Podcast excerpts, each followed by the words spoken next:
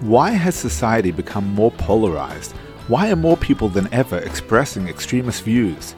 Welcome to the Transformative Daf. My name is Rabbi Daniel Friedman. Today we are on page 73 of Tractate Nedarim, and we learn that the internet has allowed those with marginal views to connect with one another. Welcome to the Transformative Daf, and thank you for being my chavrusa today. I like to begin with a story. Many people assume that the Reform and Conservative movements both broke away from Orthodox Judaism. That's not entirely accurate.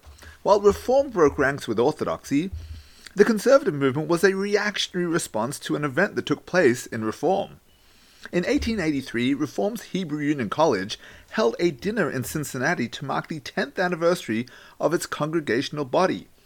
Eventually dubbed the Trefa Banquet, several rabbis walked out when they were served a menu of shrimp and crab. It was the first time when leaders looking to reform tradition had taken the daring public step of flaunting their private practices.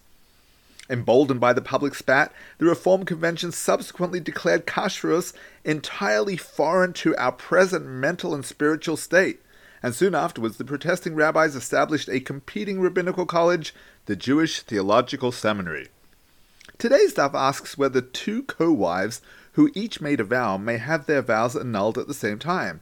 The Gemara compares the situation to a case of two women who were accused of impropriety and brought before the Beis Din to undergo the Sota ritual. Let's look at the Gemara. They asked, May a husband nullify vows for his two wives simultaneously? When the verse states her, does it refer specifically to one wife or not necessarily? Ravina said, Come and hear, two Sota women are not given to drink the bitter waters at the same time, because the heart of each becomes emboldened in the presence of her friend. Rabbi Yehuda says, This is not the cause, rather the reason is that the verse states, And he shall make her drink, meaning she by herself, and the same is true here. Let's analyze the Gemara. The Sota ritual takes place when a husband warns his wife not to seclude herself with another man. If witnesses then testify that they were secluded together, the couple must go to the Beis Din to determine whether she acted immorally behind closed doors. As part of the proceedings, the Kohen asks the accused whether she was unfaithful. If she admits her guilt, she is punished. If she claims that she was not unfaithful, the v- verses including God's name are inscribed on a piece of parchment and then scraped off and mixed in bitter waters for her to drink.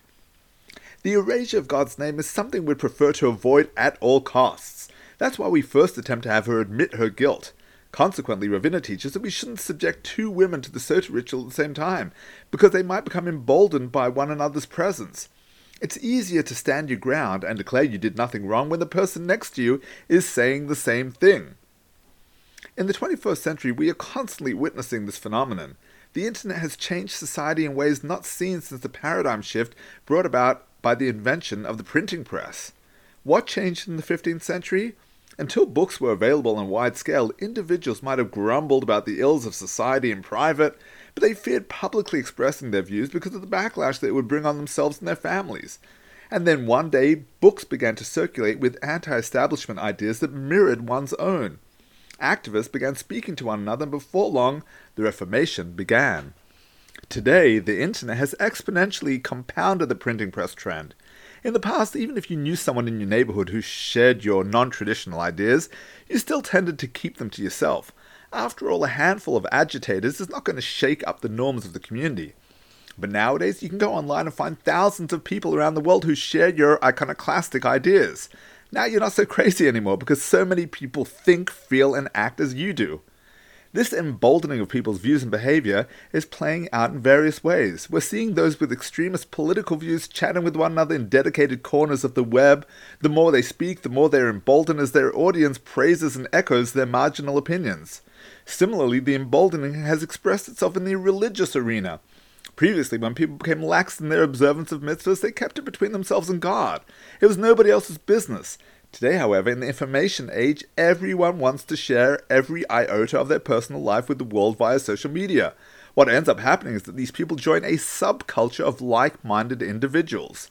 And what was formerly a private matter has now turned into a whole new class of people who are proudly flaunting their behavior. It's no longer shameful when everyone's doing it.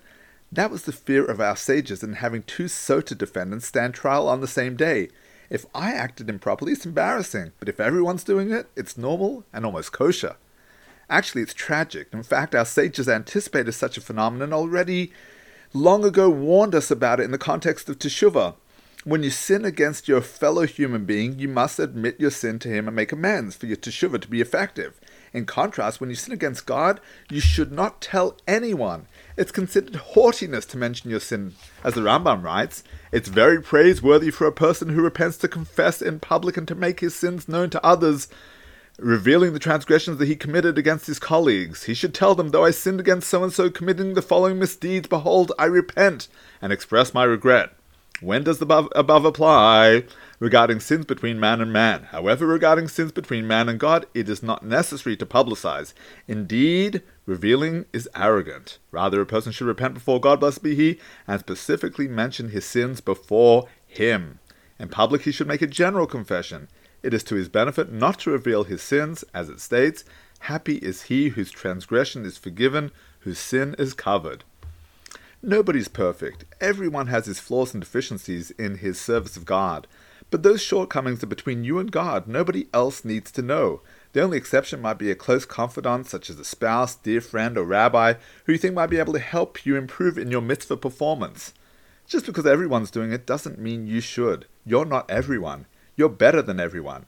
May you always maintain tact and confidentiality in your personal relationship with the Almighty and strive to grow in your Avodah Hashem, wishing you a transformative day. Thank you for tuning into the Transformative Daf podcast with Rabbi Daniel Friedman. Whether you've been doing Daf Yomi for years or you're not quite ready to commit but want to be part of the Daf Yomi global movement, there's something in the transformative daf for everyone. It's about joining the conversation, it's about talking over the daf with your family, your friends, your colleagues. It means never being short of a discussion starter or a meaningful Dvar Torah. Every page of the Gemara, every word, every letter contains the secrets of the universe. To achieving a life of simcha and purpose, transform your life today. The Transformative Daf is published by Mosaica Press and available at all good Jewish bookstores and online from mosaicapress.com. Thank you, the Transformative Daf.